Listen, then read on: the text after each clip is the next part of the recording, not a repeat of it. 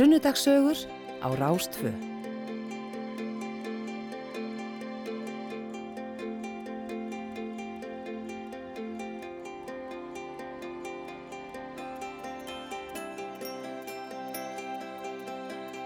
Jú komið þið sæl í Sunnudagssögur hér á Rástfö. Ég heiti Gíja Holmgerstóttir og ég verð með, verð með ykkur til klukkan þrjú í dag. En það er sunnudagur 3. mæ og við vorum þarna að hlusta á trúbrott hlustaðu á regnið hér, þetta lag. En uh, það er nú svo sem engin regning í dag um, hérna, um landið. Og hér á Akureyri þaðan sem að ég tala þá er nú bara fínasta veður, glampandi sól og indislegt vor í lofti. Og ég verð að segja að maður er orðin ansi spenntur fyrir ja, betra veðri og svona indislega heitum eftir allt þetta sem maður hefur gengið í gegnum und, undanfarið En uh, þátturinn í dag verður svona eins og hann hefur verið vanalega. Klukkan tvö þá verður skipt yfir í beina útsendingu frá upplýsingafundi almannavarna og þar tekur þríekið við og það verður einnig, já, gestur hjá þeim sem er hann Guðinni T.H. fórseti. Hann með vera á, á uh, upplýsingafundinum og eftir sem tekur við hérna beint eftir fréttir uh, klukkan tvö. En í fyrir hluta þáttanins þá kemur til mín gestur hingað í hljóðverið á Akureyri og það er hún Dýrleif Skjóldal. Hún ætlar að setja stennar hjá mér og er komin í hús. Hún er hérna, sittur hún á kaffestofu og er að fá sér kaffi. En Dýrleif er alltaf kölluð Dilla og hún starfar hér á Akureyri sem leikskólakennari og er sundþjálfari. Er með Dillu sund og hún hefur kent ótalmörgum börnum hér á svæðinu sín fyrstu sundtök og það eru af að vinsali tíma sem hún er með. Hún er komin hérna og við... Uh, við ætlum að byrja okkar spjall svona um eittlitið. En við skulum bara færa okkur yfir í smá tónlist og svo ætla ég aðeins svona að spjalla um veðrið og, og svona þanga til að við dilla setjumst þetta niður og byrjum að spjalla. En hér er Bríett með lægið Esjan.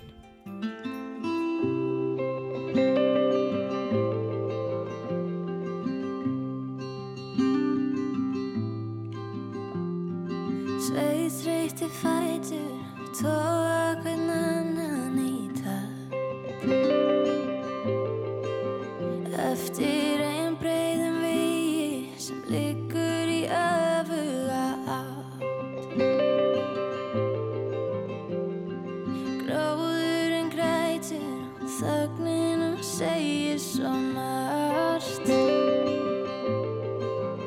Allt er síendur tekið samt er svo mikið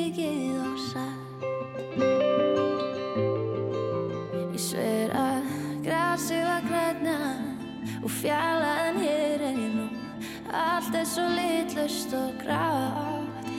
Ég get leitað og leitað fram að heimstand og út og gefið allt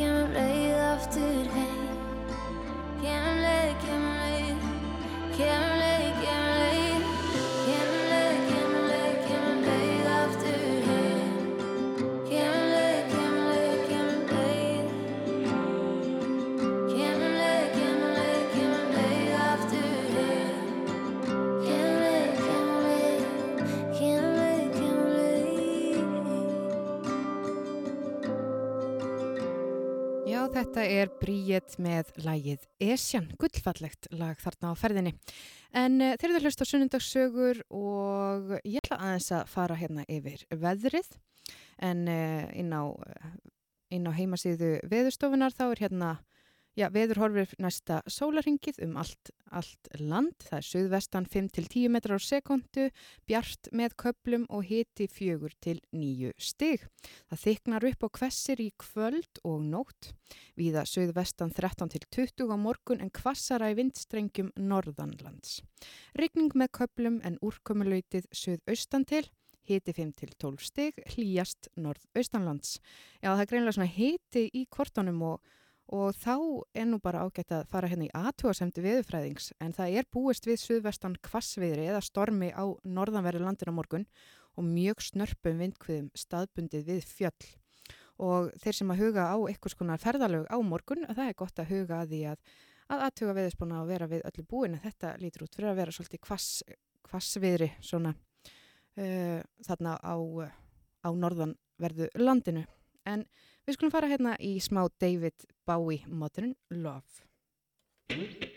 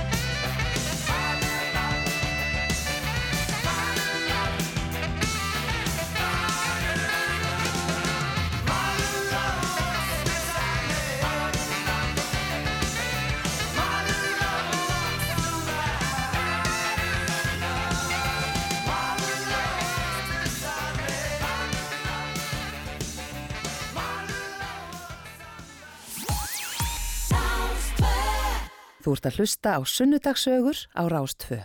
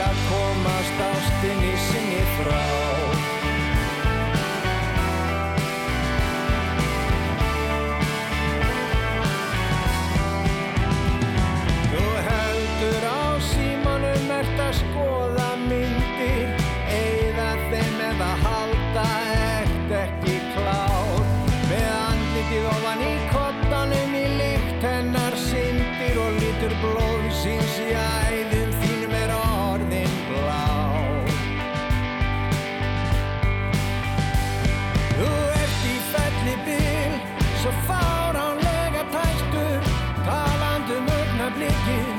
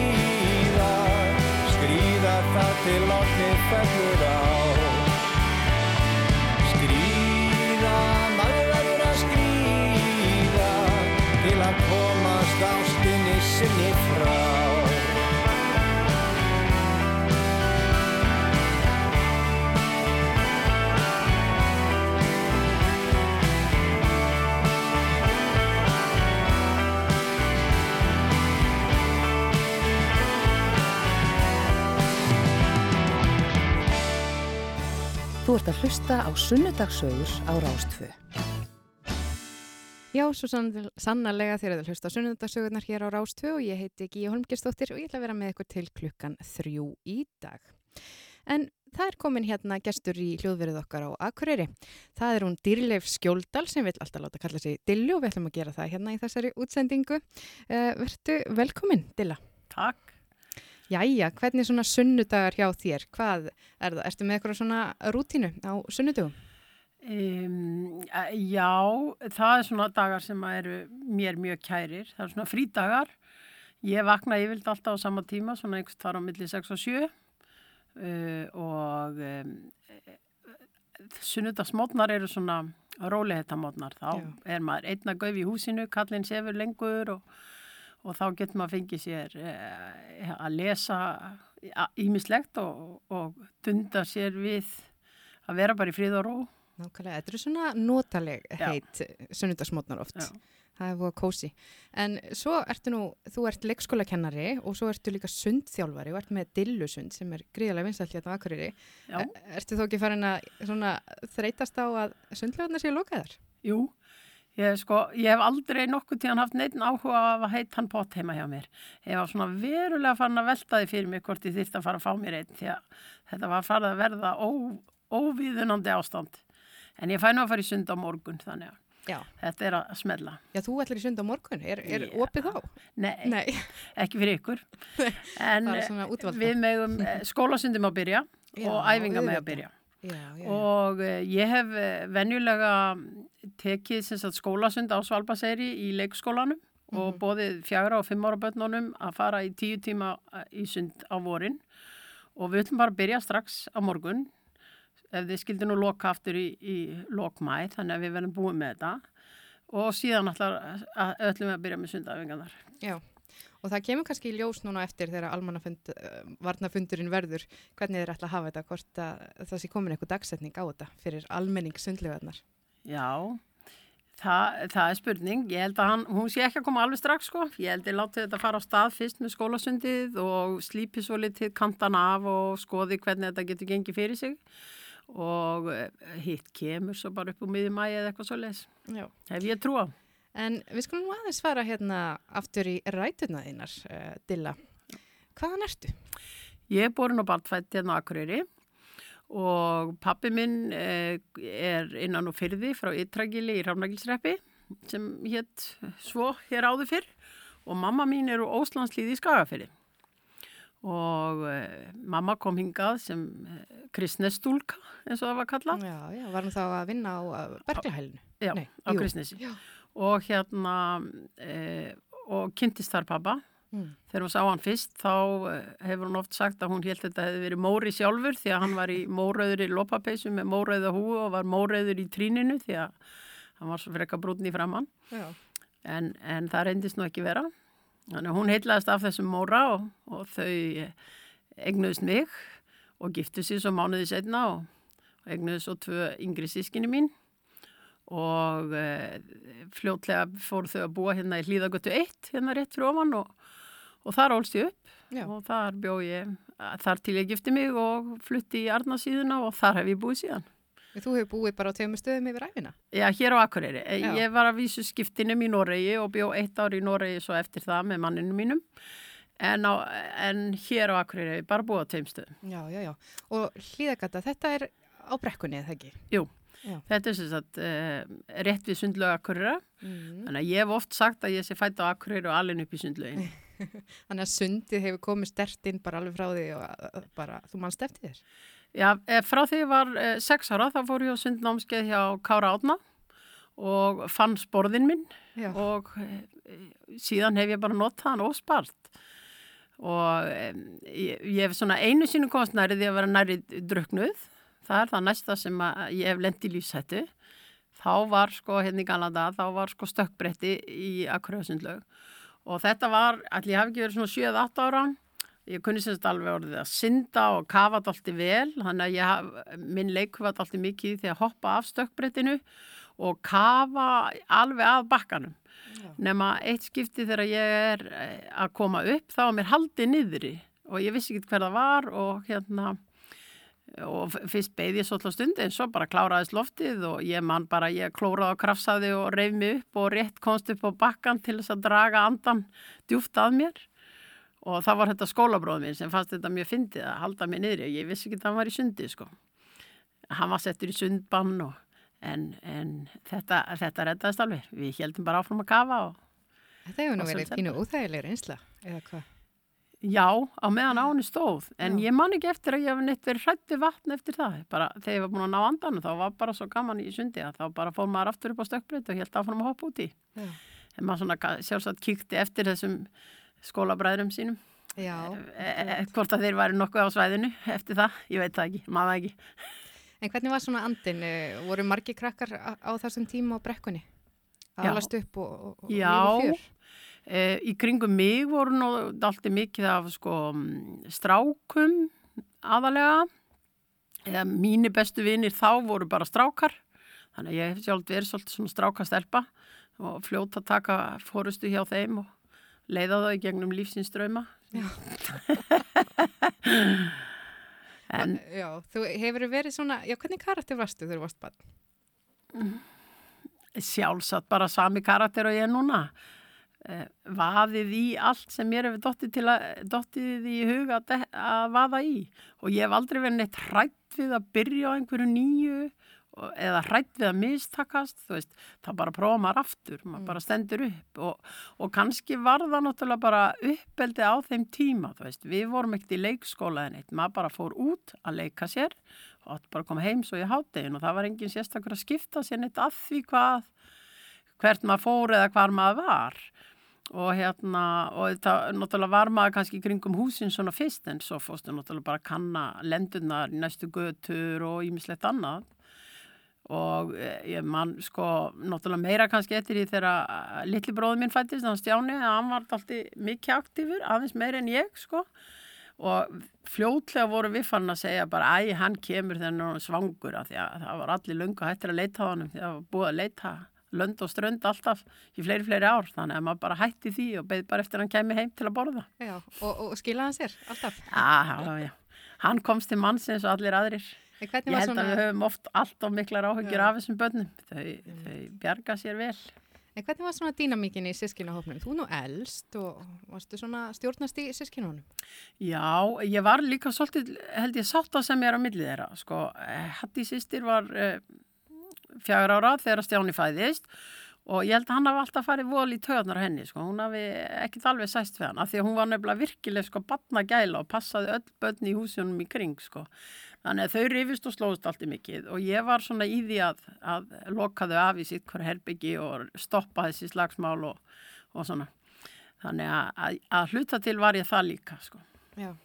En þú lýsir mjög miklu sjálfstæði þarna í æsku. Uh, byrjaður, varstu fann að vinna ung, það var nú svolítið á þessum tíma. Já, já. Að, að, Við náttúrulega Hatti sýstir byrjuðum á því að okkar fyrsta vinna var að, bara eh, að passa Stjána bróðir fyrsta sumari sem að hann eh, þá var hann bara nokkra mánuða gammal og þá var hann sko náttúrulega bundin í kerru og við náttúrulega vorum bara úti með hann í tvo tíma að keira hann og fengum held í 50 kall, eh, 500 kall fyrir sumar eða eitthvað svo leis saman en eh, svo bara strax eh, þegar ég var 10 ára þá fór ég að passa frængu mína og ég passaði hann að fara að mótni og fór heim uh, til þeirra klukkan hálf tólf til að setja upp kartöfluna fyrir alla frænda.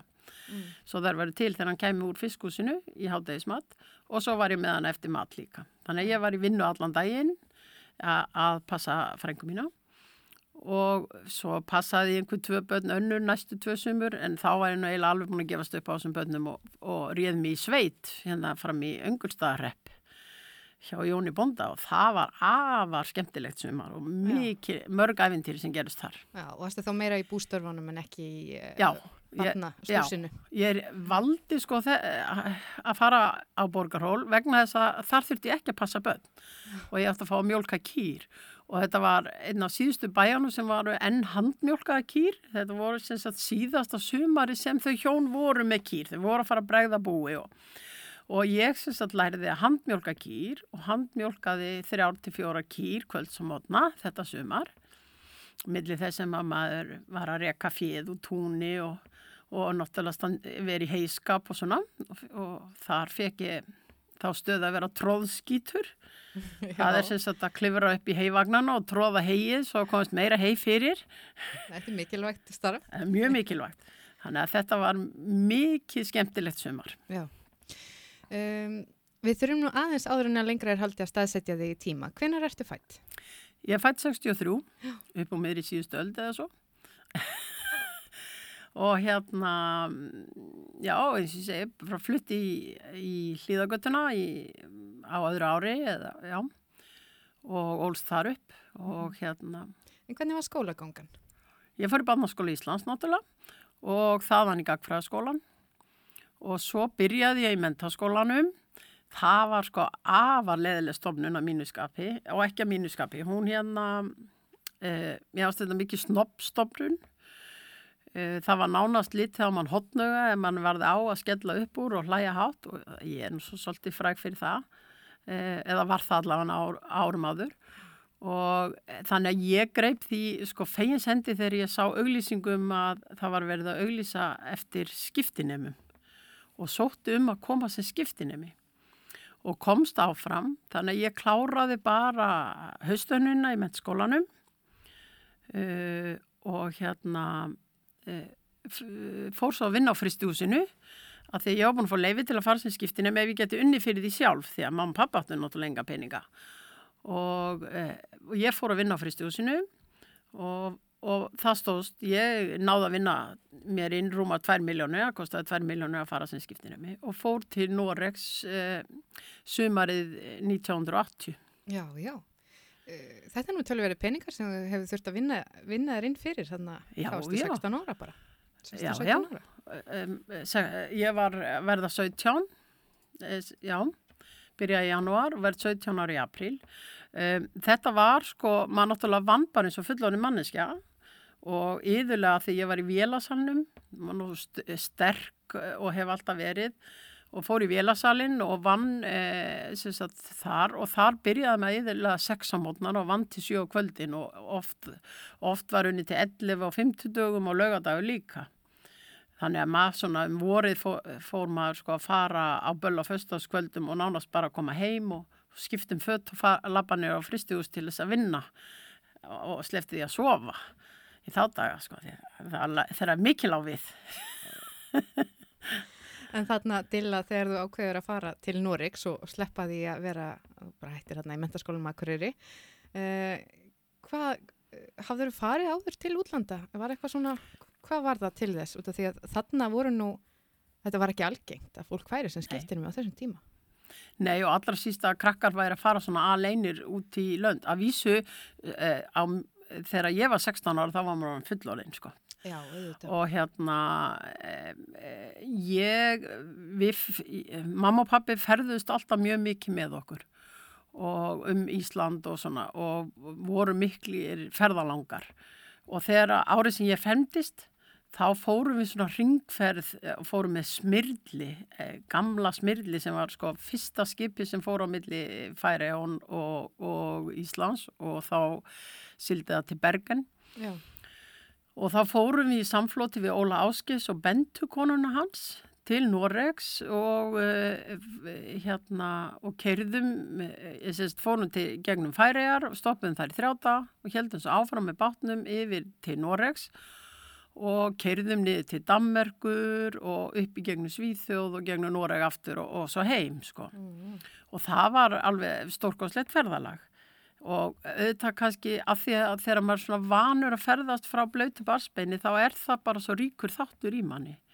Og mér finnst alltaf alltaf fyndið þegar fólk í dag er sko að tala um að það hafi sko bara komist alveg yfir í vaglaskó með krakkan og gist heila helgi eins og það sé eitthvað stórmál á, á meðan að sko þegar maður hugsa tilbaka að mamma og pappi voru að tróða okkur þremur í bíl með gamalt aðtjald frá tjaldborg og, og, og ferða sko kannski halva mánuð og ég man eftir sko ferðalögum til Reykjavíkur það sem að var gist tvær nættur á leiðinni af því að það punkteraði svo ofta á bílnum að það að stoppa og gera við dekkin að það var haldið áfram sko. en, þú upplifir svona eins og þetta hafi bara verið miklu minna mál heldur en... Ég, já, það dag. ekkit vera neitt vandamál sko Já. og hérna e, þannig að ég held að, að, að, að þessu leiti hafi fóreldra okkar verið kannski miklu svona eh, gert minna vesen úr, úr þessu að ferðast með fullan bíla krökkum og, og hafa ofana fyrir þeim því það var náttúrulega engin vídeo eða lög eða eitthvað, þú veist, maður var bara í svona leikum um, að velja sér lit á bíl og ef að maður var búin að ná tíu rauðum bílum þá fekk maður kannski e- eitt brjósikur eða eitthvað svo leið sko. já, frúin í Hamburg og Já, svona og rýma og, og þessa gömlu góðu leiki. Og ég segi ofti fóreldra í dag sko endilega þegar þið eruð að keira með krakkan ykkar hvetið þau til þess að skoða það sem er í kring hvaða staf byrja næsti bæra og svona Mhm. eh, og hérna rýma og, og alla þessa leiki hvernig ef þú tekur af orði eða bætir við orði og þessa málleiki sem er bara undirstaða þess að þau fara að lesa og svona Já, einmitt. En aftur svona í, já, skulum, þú ert að hérna fara til Noregs í 17 ára sem skiptir ymi. Hvernig var dvölinn þar? Herðu, hún var náttúrulega bara eins og allar aðra dvalir þegar maður fer svona aðleina heiman. Hún var náttúrulega bara ævintýri í fyrsta, fyrstu þrjá mánuðina. Bara alveg umuleg eftir það þegar maður var ennþá hálfmálaus og eins og unga batn og gatt valla sagt annað en bara góðan daginn og gem mér að borða og takk fyrir matinn. Og svo fór hún náttúrulega upp á við aftur og þegar maður fór heim þá var þetta náttúrulega besta sem fyrir mann kom. Því þetta er lærdómsár og þú virkilega ferður því að vera eh, sjálfstæð persóna niður í að vera unga barn og aftur upp í að vera ennþá sjálfstæðari og svo kemur þú náttúrulega heim sem friða sinni sem allt veit og, og það fylgir manni bara. En hvernig var fjölskyldan, þessi norska fjölskylda sem þú daldist hjá? Hún var náttúrulega allt öðru sem fjölskyldan mín. Hún var mjög svona, eh, eh, hérna, eh, hvað segi ég, hún var svolítið svona svo Excel-skjál. Það, það, var allt, það var alltaf lagað til á föstu dögum og það var gert hreint sko með vatni og öllu saman. E- og ef það var ekki hægt að gera hreint á föstu degi þegar það ætti að fara þá var sko fjölskyldufundur til að ræða það að það þurfti að gera hreint á fymtudegi en það var ekki hægt að sleppa því sko. Og hérna og, og mjög margt svona sem var allt öðruvísi. Og ég náttúrulega kom úr samfélagi sem var óðaverbolga og pappi minn sem var náttúrulega bíla áhuga maður og, og hafði það mark með eignast þúsund bíla yfir æfina og keifti og seldi bíla alveg eins og enginn væri morgundagurinn. Eh, ég kem til fjölskyldu sem átti gamlan Volkswagen og, og þegar ég var búin að vera hann í 2-3 mánuði þá keiftu þau sér Audi 80 sem þau hefðu sapnað fyrir í nokkur ár og ég hafði bara aldrei á æfi minni bara vita að þetta væri hægt og finnst ennþann dag í dag þetta að vera merkilegasti bíl sem ég hef heyrt um sko og þó hef ég nú setið í mörgum og, og prófað á marga sko en þessi Audi 80 sem var sapnað fyrir í mörg ár það er eitthvað mjög sérstakt Já, þetta hefur verið bara menningar sjokk fyrir þig. Algjört, Að fólk sapnaði sig fyrir hlutum. alveg bara, mann er bara ma maður skildi þetta ekki sko En þú sagðir að pappiðin hafi ætlað að sapna þúsund bílum. Nú verði bara að spyrja, tókst það? Nei. Hann varð bráðkvartur 2005 og þá komist við að því að því að hann nefnilega skráði þetta allt niður í bók sko. Hvenar hann kefti þá, af hverjum hann kefti þá, hvað þeir kostuðu og, og hverjum hann seldi þá og hverjum á hvað hann seldi þá. Og hérna, þá hafði hann átt tæplega 900, bá- eh, 900 bíla. Að vísu fannst Jáni bróður út að það voru nokkri til út á verstaði sem ekki voru skráðir í bókina. Þannig ég er ekki alveg viss um töluna en þeir eru svona um það byrj 900 sem hann eignaðist um æfina. Og notaði hann flesta þessara bíla? Hvernig, hvernig var þetta? Þeir voru allir notaðir, þeir voru Já. kannski ekki allir keirðir en, en þeir voru notaðir og, og sumir bílar voru sko þannig að því að hann var alltaf að ditt af þeim og gera það sölumvænlegri að, að þá voru stundum keiftir bílar sem átt að nota til niðurifs og þá eh, var þeim lagt í hlýðagöttinni og við sýstur notuðum það svolítið sem nesti. Og þannig að við skrúðum niður framrúðunar og, og, og krakkarnir hjóluði í kring báðum megin við bílana og stoppuði hjá okkur og kefti pilsur og ís sem að voru dregnar út úr hérna, hérna, stefnuljósum og innsógi og hans skóli var náttúrulega alltaf peningakassin og, Já, og þú veist þetta voru flottustu veganistin sem að til voru í bænum sko. Já, þið hafið farið þannig verslunarbransan í... Já, já, já, já, og, og þú veist, þannig var leikur barna, maður bara skapaði sér úr því sem að til var og, heima hjá okkur voru til bílar sem mátti, mátti beglast og, og allavega svoleiði, sko. En hvað gerir þú svo þegar þú kemur heim frá Nóri eftir skiptinum að dvölina? Þegar þú hert þarna orðin friðasinni og veist allt, eins og þú sagðir.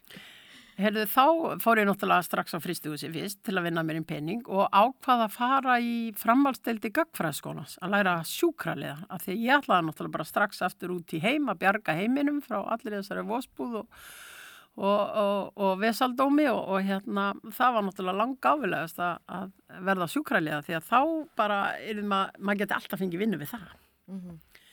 Og þegar ég útskrifa svo sem sjúkraliði þá er verkmyndaskólin að byrja og ég var sem sagt næst síðust af þeim sem var útskrifuð úr gagfræðaskólanum e, á heilsugjæslubrautinni þar, eða sem sagt sjúkralega náminu og svo næst fyrst sem var útskrifuð úr hérna verkmyndaskólanum á heilsugjæslubraut. Af því að þá fór ég þangað og tók svo stúdenspróf. En þá var ég náttúrulega orðin gift og ráðsett kona sko. Já, já, já. Á þessum tveim árum þá tóst mér að finna hann rúna minn og, og landa honum og, og, hérna, og við flutti í Arnarsíðuna. já. Sem að er sá staður sem þú býr ennþann dag í dag Já, já, á. já, já. Og strákarnir mín, ég hef stundu sagt það því að þeir eh, eru svona eins og geirfuglanir. Þeir eiga bara eitt para fóreldrum og, og voru borðnir heim á sjúkrásin inn í Arnarsíðun og byggu þar alveg þar til þeir flugaði heimann og svo eiga þeir engin hálsískinni og þeir hafði aldrei flutt þannig að það var bara engin börn til í síðukverfi sem voru svo leis. En uh, þú talar um að, að þú hafi verið mentaði sem sjúkraþjálfi til þess að geta unnið um allan Sjúkraliði.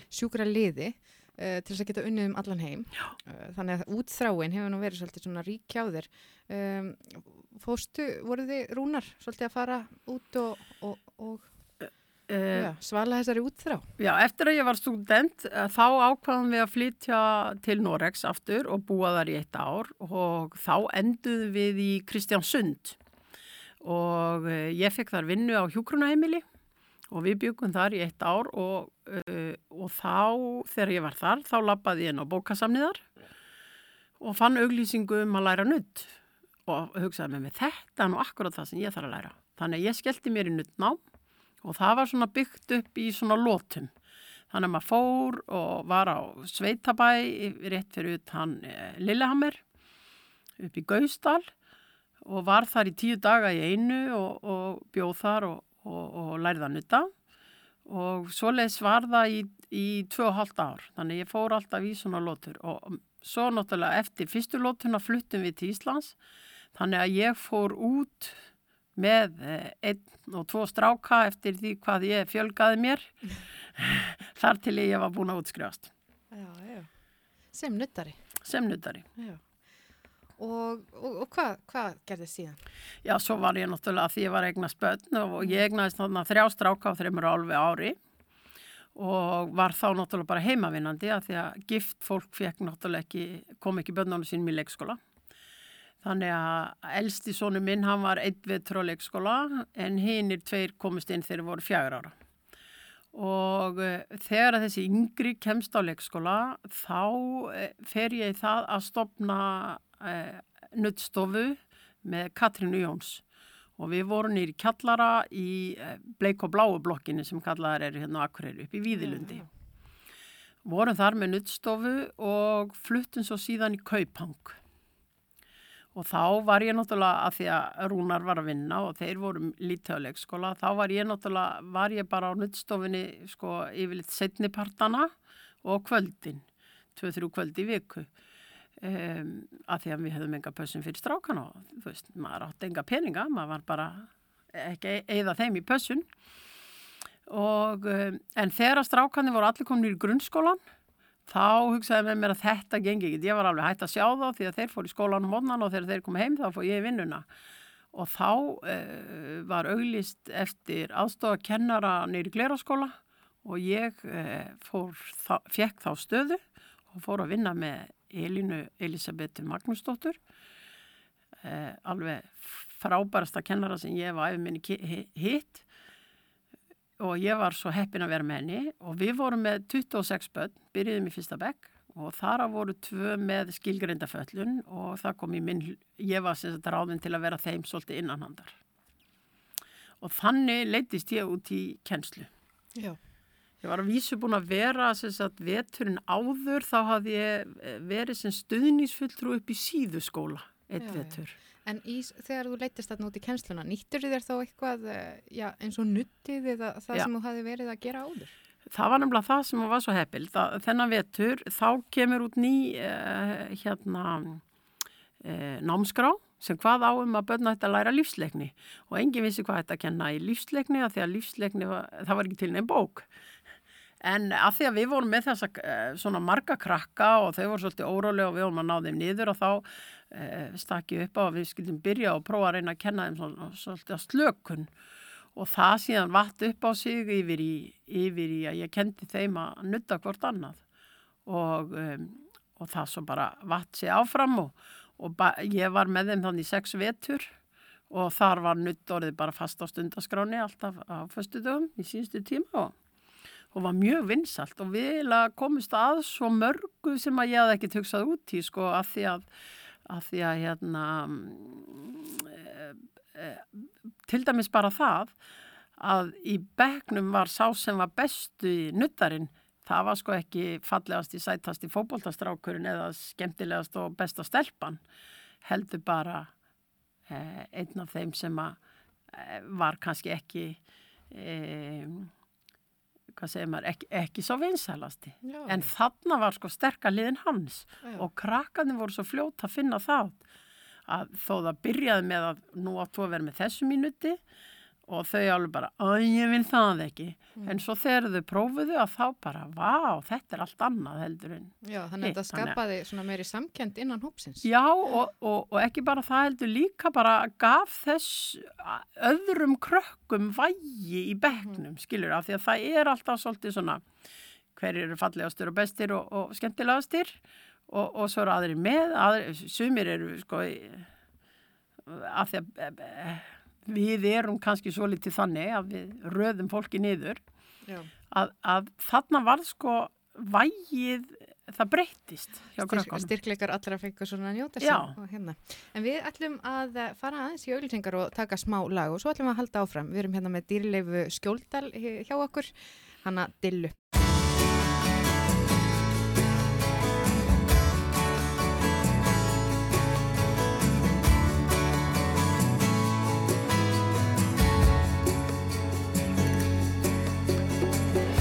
Leita á þig gamlar góðar minningar. Laungu hortir tímar klingdar frá.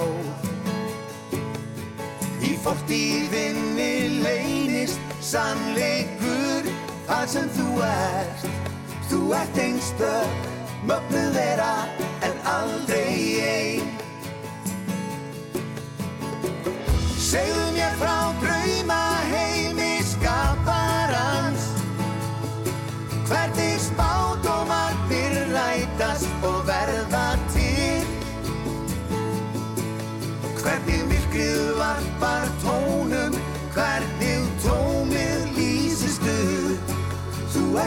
einstök, mögnu vera en aldrei einn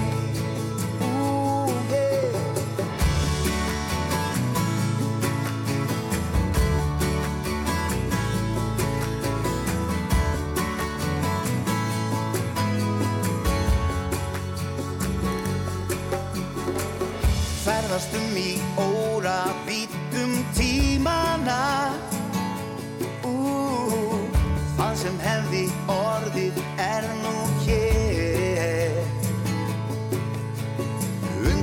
farar myndir framtíðin það sem þú ert. Þú ert einstök, mögnu vera en aldrei einn Segðu mér frá drauma heimi skaparans. Hvernig spátómarnir rætast og verða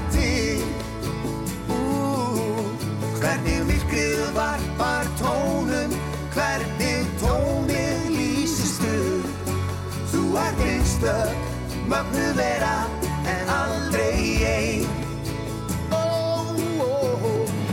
Segðu mér frá drauma Hvernig spátómarnir rætast og verða til.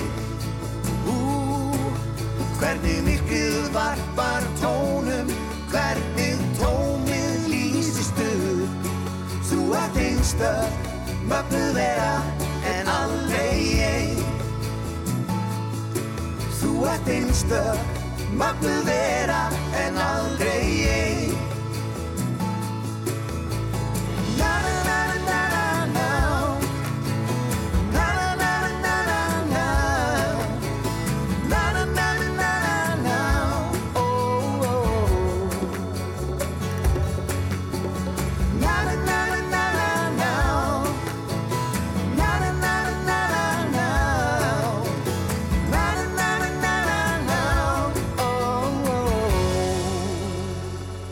var skítamórall með lagið Aldrei Ein. En við sitjum hérna í sunnundarsögum og það er hún Dýrleif Skjóldal sem að situr hérna hjá mér. Hún er alltaf kalluð Dilla. Já, Dýrleif, Dilla. Þetta er, þetta er sérstætt. Þetta Þetta er fátíkna. nafn. Já, Ertu skilðið Og- höfuðið okkur? já. Uh, þetta er sagt nafn uh, sem er búið að vera í fjölskyldun minni frá því um upp úr 1700 eða 1700 og súrkála eða eitthvað svo leið. Um, Frá landnámi. já, ne- já, Já. það var þannig, eh, saði frænka mín mér og ég hef svo aðeins skoðað Íslendingabók sem staðfestir í rauninni þetta. Að það var þannig að eina mínum formæðurum var sem sagt að eignast barn Mm. og hún bjó hérna út með sjó og í, samkvæmt Íslendingabók það, var það á gásum og uh, hún sem sagt er að fæða þarna stúlkubarn þegar að borin er sjóreikin maður eh, til baðstofu. Uh, Kallmennir höfðu þá fundið mann sem var nær döðaðin lífi í flæðamálnu og báru hann inn í baðstofu. Og þetta var erlendur maður, þau skildu ekki hvað hann sagði en uh, hann uh, uh, sagt, virti sína einhvern áhuga á þessu stúlkubarni sem fættist hann í baðstofinni og þeim heyrðist hann alltaf vera að segja dýrleif. Já, já. og svo deyr þessi maður og eh, enginn vissi náttúrulega hverra þjóðar eða hverra manna hann var eða eitt en eitt. En til þess að heiðra hann að þá ákveðu þau að skýra þetta stúlkubar dýrleif og síðan hefur verið e, þetta nafn gengið í fjölskyldunum minni og sagt föðusýsti mín heitir eftir föðusýsti sinni og ég heit eftir föðusýsti minni og til þess að halda í hefðina hefði náttúrulega Stjáni bróðir átt að skýra eftir mér en, en mér hefur nú aldrei líka við þetta dýrleifa nafn þannig ég fyrir gefa hann það alveg fæ bara að eiga tætnar á stelpunum hans í staðin Já, já. En þú með eitthvað barnabötn, er eitthvað, eitthvað, eitthvað þeim sem heitir Dýrleif? e, Já, svona skápaðnabann Já. Ég var með skiptinema e, fyrir mörgum ári síðan frá Ekvator og hann á eina stúlku og hún heiti dýrleif Kvakína Valares og Castro Já, og hún á heima í Ekvador. Já, Hvernig- er ekvadorísk Já, já. Eh, Hvernig gengur að heita dýrleif í nátt, Ekvador? það gengur náttúrulega enga veginn. Eh, Hérna, mér skilst að eh, föður ammenar hafi mútað einhverjum á skráningaskrifstofunni til að fá að skýra eh, nefna hana dýrleifu og, og hérna en hún nota náttúrulega í, í eh, af öðrum Ekvator búum er notað milli nafniðina, hvað Kína Mm. en, en við hinn köllum hana Delitu sem Já. að er eiginlega litla dilla. Þetta er nú mikill heiður að fá Já, svona þetta- löfnu í Ekvador. Já, maður bara sefur ekki nóttina eftir að maður heyrir þetta, maður bara brosir algjörlega út að heyrum. Og þetta er náttúrulega fyrirmynd annara kvenna og ég efast ekki um, hún verði fósitt í Ekvador þegar framlýða stundir. Já, það er aldrei að vita. En Dilla, við verðum út af því að tíminn flýgur alltaf svona í, í viðtölum eh, að tala um dillusund. Þú leiðist uh, út í sundþjálfun. Já, Hvernig kom það til? e, alls ekki bara örlögin. Um, ég æfði sund sjálf þegar ég var 10 til 12 ára. Og svo þegar ég fór þannig í Sveitaborgarhóli, e, þá var ég náttúrulega burtu allt sumar og þegar ég kom aftur um hausti þá voru sko stelpunar sem voru vinkonu mínar sem að voru tveim og þreymur árum eldri en ég, af því ég var litla banni í hópnum, e, allar hættar. Og eftir stóðu 17-18 ára strákar sem ég fannst ég ekkit endilega samleið með 13 ára. Svo ég hætti bara líka. En þegar ég var múin að eigna strákana og ég var aldrei neitt að hrifin af einhverju hliða saman hliða kross og einhverju svona í, í leikfumisali, í einhverju líkamsrækt, eh, sundi var bara mitt að þá fór ég að æfa með görpunum. Já, og garparnir, hvað, Garparnir voru sem sagt hópur fyrir 25 ára eldri og er ennþá eh, sem að æfa sund. Og eh, sumir voru í því að keppa og aðrir voru ekki að fara neitt og, og þar kynntist ég Möggur Ríkars og, og fleirum. Og Magga Ríkars var þá formaður Óðins og hún fekk mig inn í stjórn Óðins e, og við erum síðan þjálfara frá Hollandi sem að e, sem að hérna var með æfingar líka á mótnana fyrir byrjendur af því að þá voru strákandi mínir í síðuskóla og hann var tvísettinn og þeir komist aldrei á neinar æfingar af því að það var alltaf strax eftir haldegi þegar þeir voru að fara að byrja í skólanum.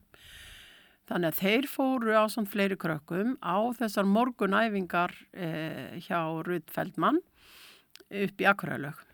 Og þá náttúrulega kom það til að ég kerði þá náttúrulega og svo beð maður bara meðan þeir voru að synda og fór heim aftur og fylgdist oft með æfingum og um vorið þá fer ég með þeir, eh, sagt, fer ég með Rut og, og elstu krökkunum til Vestmanneia á Íslandsmeistaramót og þar fær hann botlangabólgu Sundþjálfari. Já, Já. þannig að þegar við komum heim þá var hann bara skuttla beint á sjúkrásið í, í uppskurð og eh, ég leisti hann af og þjálfaði þá litlu krakkana því ég hefði hvort er alltaf verið við æfingar og byrjaði þá bara svona til þess að klára þannig að mæ mánuð áður en þau hættu.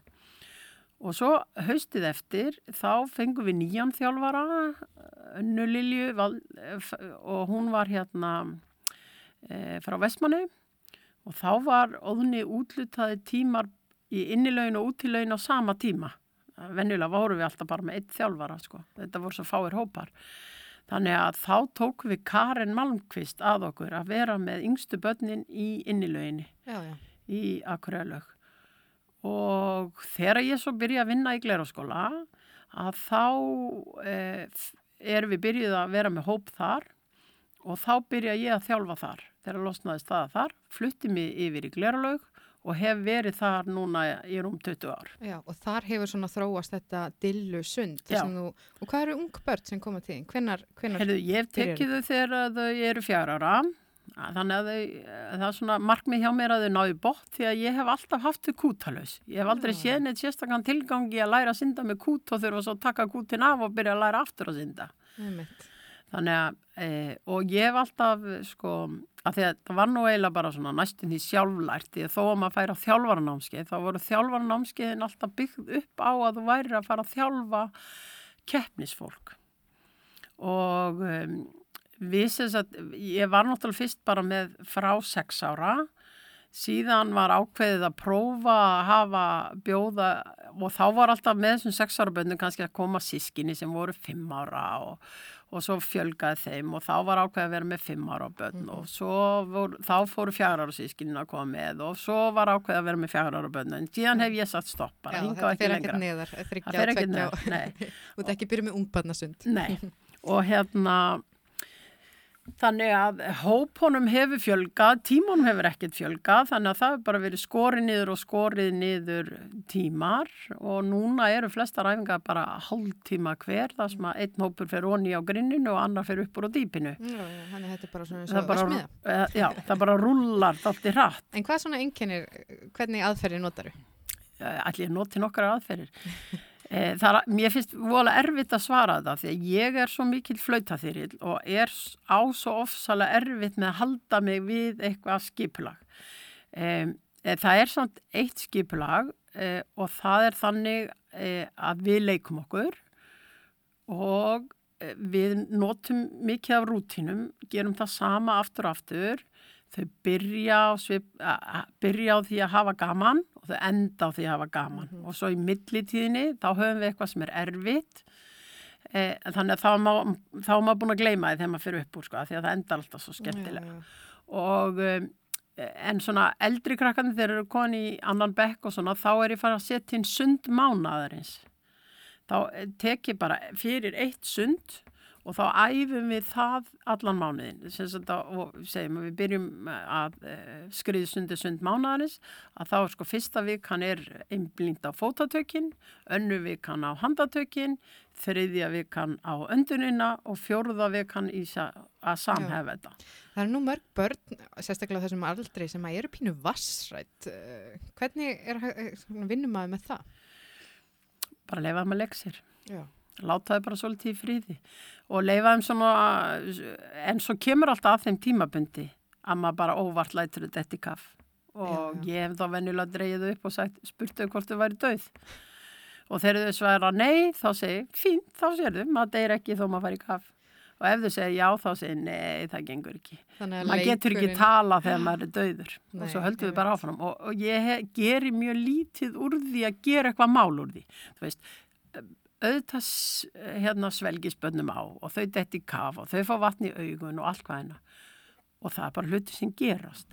Og þau þurfa svolítið að fá að jafna sér sjálf veist, þegar badd svelgist á vera ekki að rífa það upp og berja það eins og harfisk til að láta rópengur upp úr sig, ég heldur bara að segja, taka það í fangi og segja, já, hosta það nú bara og láta mig svo vita þú ert búin.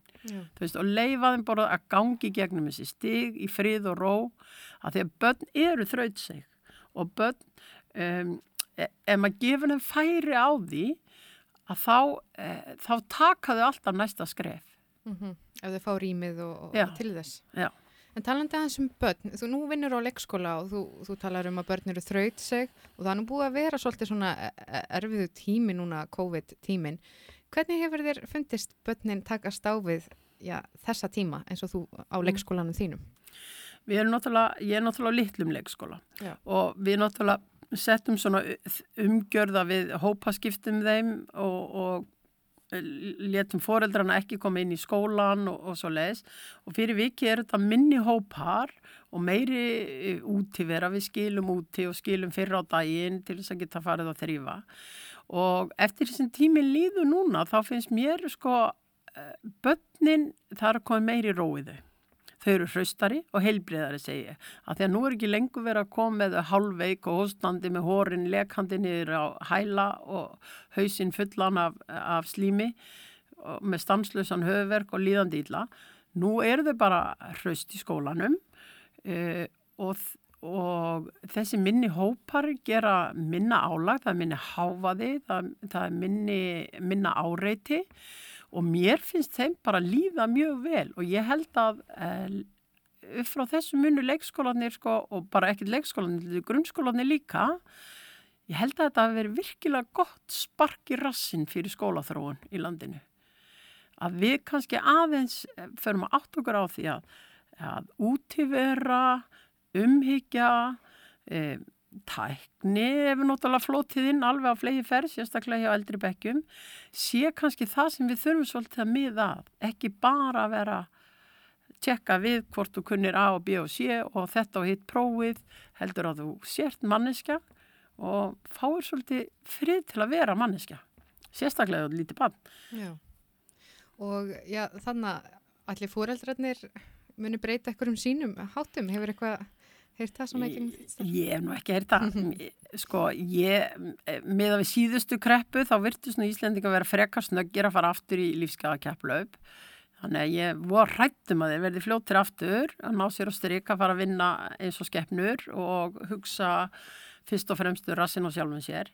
Það er fyrir ekki að ég segi svona en, en stundum, stundum finnst mér þá, þá veldi ég stundum fyrir mér af hverju er fólk að velja eignasbönn og ég held að það vanti svo litið, þú veist, þegar, þegar hinn kreppan var, 2008, þá töluðum við mikið um að börn þurft að læra fjármálalæsi og við þurftum að fara ala Íslendinga upp í, í, í því að vita til hvers peninga voru og hvað þurfti til til að afla þeirra og nýta það. Og ég held að við þurfum líka kannski aðeins að taka okkur svolítið takk núna eftir þessa kreppu og velta fyrir okkur af hverju vel ég eignast barn að þegar maður velur það, það er til allar, allar handa getnaðavarnir í dag, af hverju vel ég eignast barn og hvað ætla ég að gera við það? Og hvernig ætla ég að hugsa um það, því að þetta barn er ekkert að fara frá þér næstu áttján árin að minnstakosti. Þau þurfa að vera böttfanga, þau verður ekki fullorinn í 16 ári eins og ég, þau verður ekki fullorinn fyrir 18 ára núna. Og, og það er líka hluti af því, veist, verði ég nöðsynlega að fara eða kaupa eða eiga þetta þarf ég að vinna svona mikið eða get ég unni minna og noti þess að vera með banninu mínu?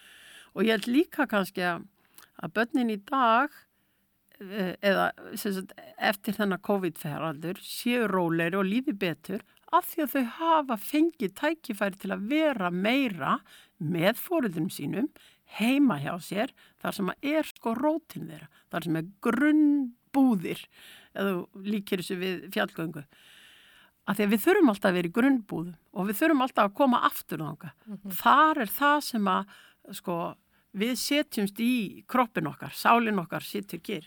Já.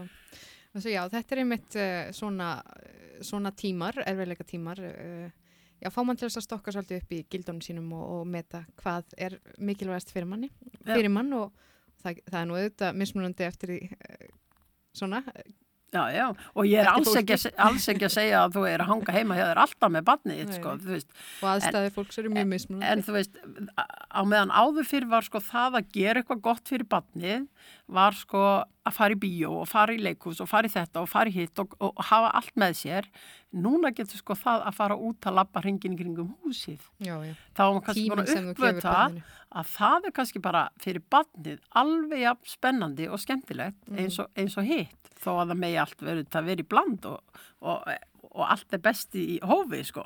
En dýrleif, Dilla, uh, Ekki skamma mig. Já, þú sagðir einmitt fyrir viðtalið, þú vildir alltaf láta kalla þið dillu út að dýrli var í svona eins og Já. það væri við að Það er skamma. bara dýrlega skjólda Lingimannsdóttir og þá veit maður að þá þarf maður að fara að standa fyrir máli sínu.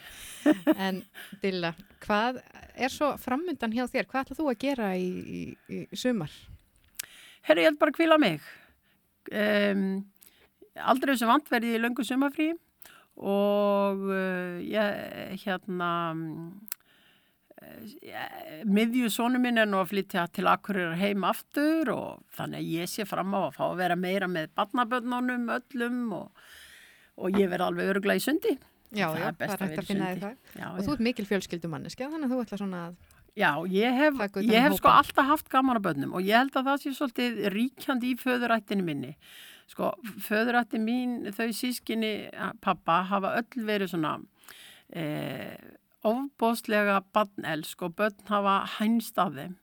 Og bönn hafa eh, hérna þó að þau séu sko óárennilegi í fyrstu.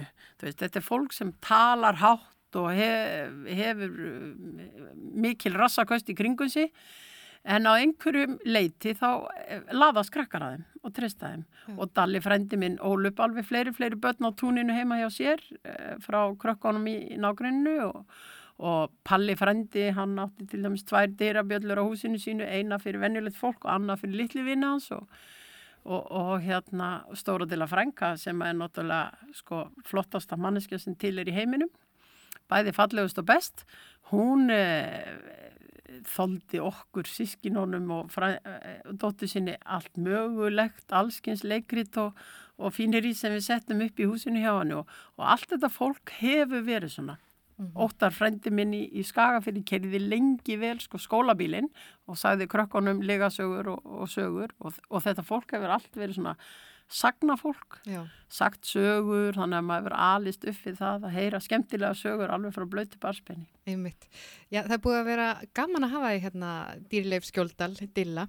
Þú hefur sagt okkur frá mörgu, til dæmis sundinu, Dillusundi og ég veit að það verða öruglega mörg börn ánað að komast aftur í Dillusund. En takk fyrir komin að hinga í sunnudagssögur og gangið þér vel. Já, takk sem er leys.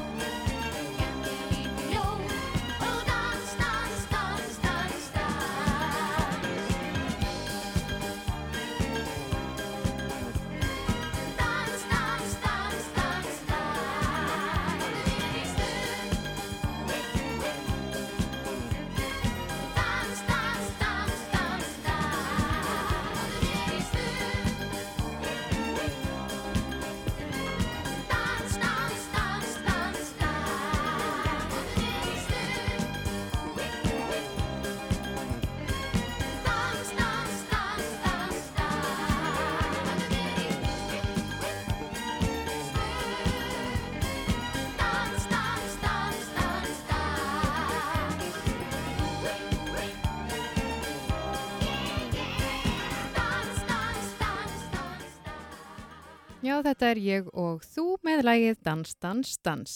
Og það er nú kannski þannig að margir ætla að dansa, dansa, dansa af gleði þegar að, eh, já, ringar aðeins til, eh, já, á þessum svona reglum sem hafa verið í samkvæmbanninu. En það er verðtu þetta að muna eftir því að eh, tveggja metra reglan verður þetta áfram í gildi og þó það verða þessar tilslakanir. En það er auðvitað gleðilegt að það mega fleiri koma saman, 50 manns en ekki 20, skólahald fyrir að byrja með hefðbundum hætti og hárkræstustofur og sjúkra þjálfunar stöðvar og opna á nýtt og ímislegt svona. Og við munum heyra allt um þetta á uh, bladamannfundinum hér á eftir upplýsingafundi Almannavarna sem að hefst núna spengt eftir uh, tvö fréttir og í þetta skipti þá er það hann Guðni T.H. Jóhannesson, fórseti Ísland sem verður gestur á fundinum og þarna verður þetta þrýjöki okkar, Alma, Þórólur og Víðir sem að segja okkur allt um, já, bara hvernig þetta verður og, og við vorum hérna með hana Dýrleif Skjóldal í settinu hjá okkur, hérna í hljóðveri á Akureyri áðan og hún er nú uh, mikil sundkona, hún getur ekki beðið eftir að komast aftur í laugina og það verður forvetnilegt að vita hvenar uh, sundlögar og aðri slíki staðir munu opna.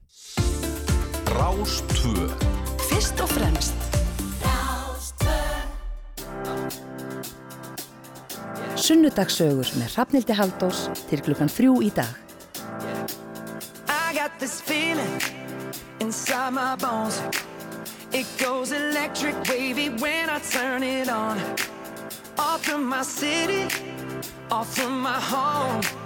We're flying up no ceiling when we in our zone. I got that sunshine in my pocket, got that good soul in my feet. I feel that hot blood in my body when it drops. Ooh, I can't take my eyes off of it, moving so phenomenally. Come on, like the way we rock it, so don't stop.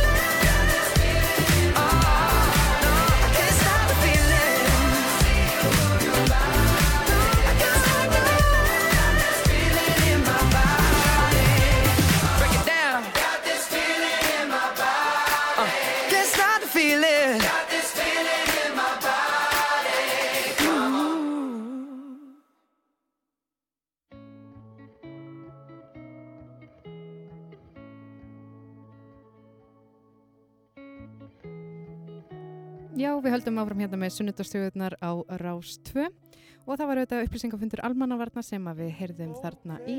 En nú ætlum við að hlusta hérna á yfir borgina með Valdimar. en felða fyrir þér hljótt harminn ber. Veit hvað mér er gott en illa gett hætt við götunar seg eign mín að ney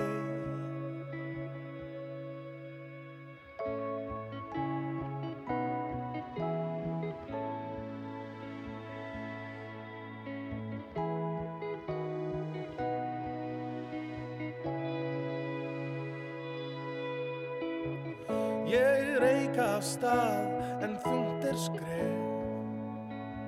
Því spróttið upp hefur bóð horg sem byrgir mér sín og heftir för. Húsinn hratt fjölga sér. Ég fastur er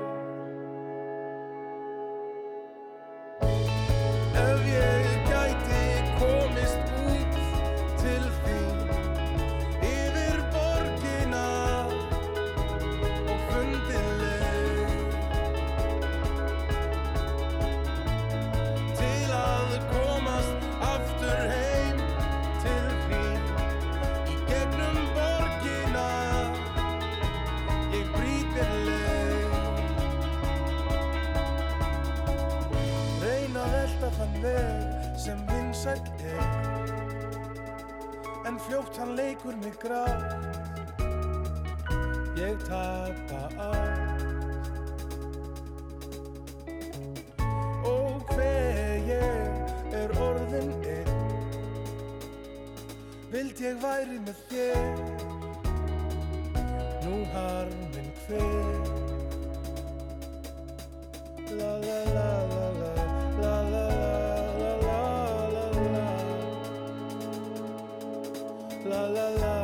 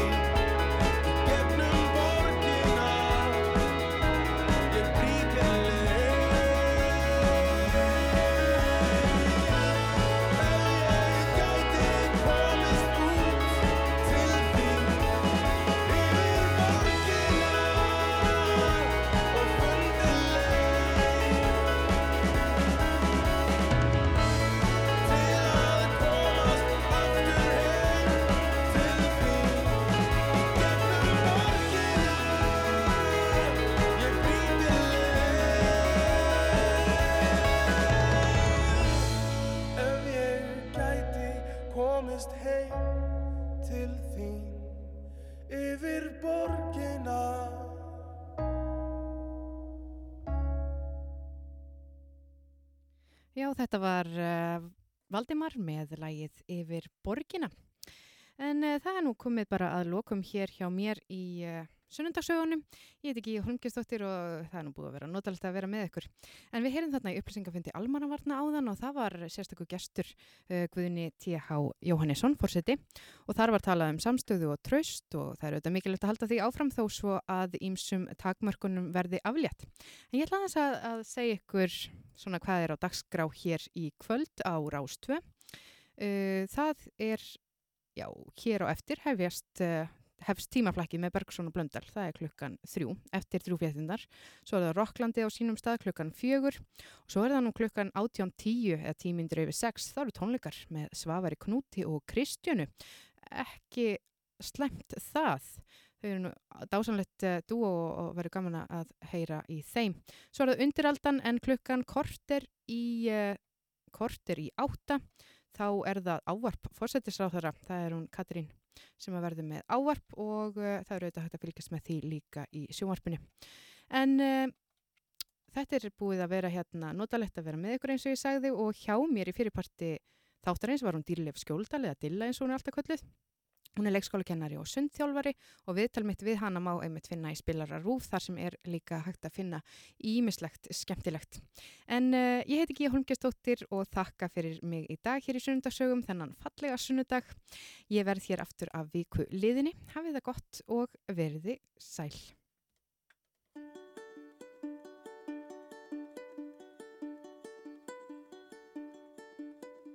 Days are bright and tranquil on this boat called Southern Nights. We might hit a snag, but we will be alright on the Southern Nights.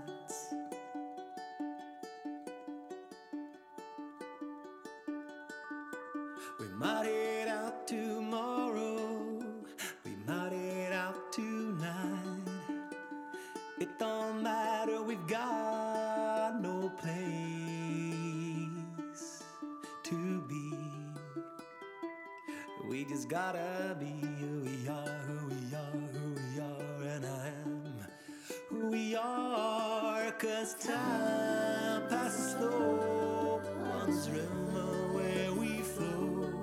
And that's the way that we wanna go.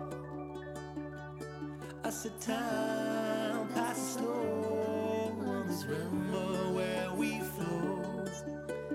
That's the way that we wanna go. That's the way that we wanna go.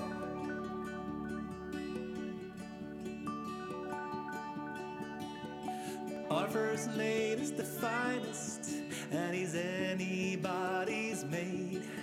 In fact, I never found a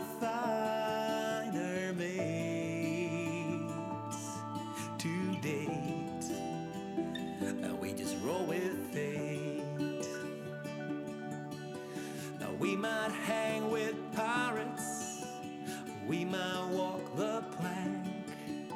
The people we meet are priceless and they're just like us. And we just gotta be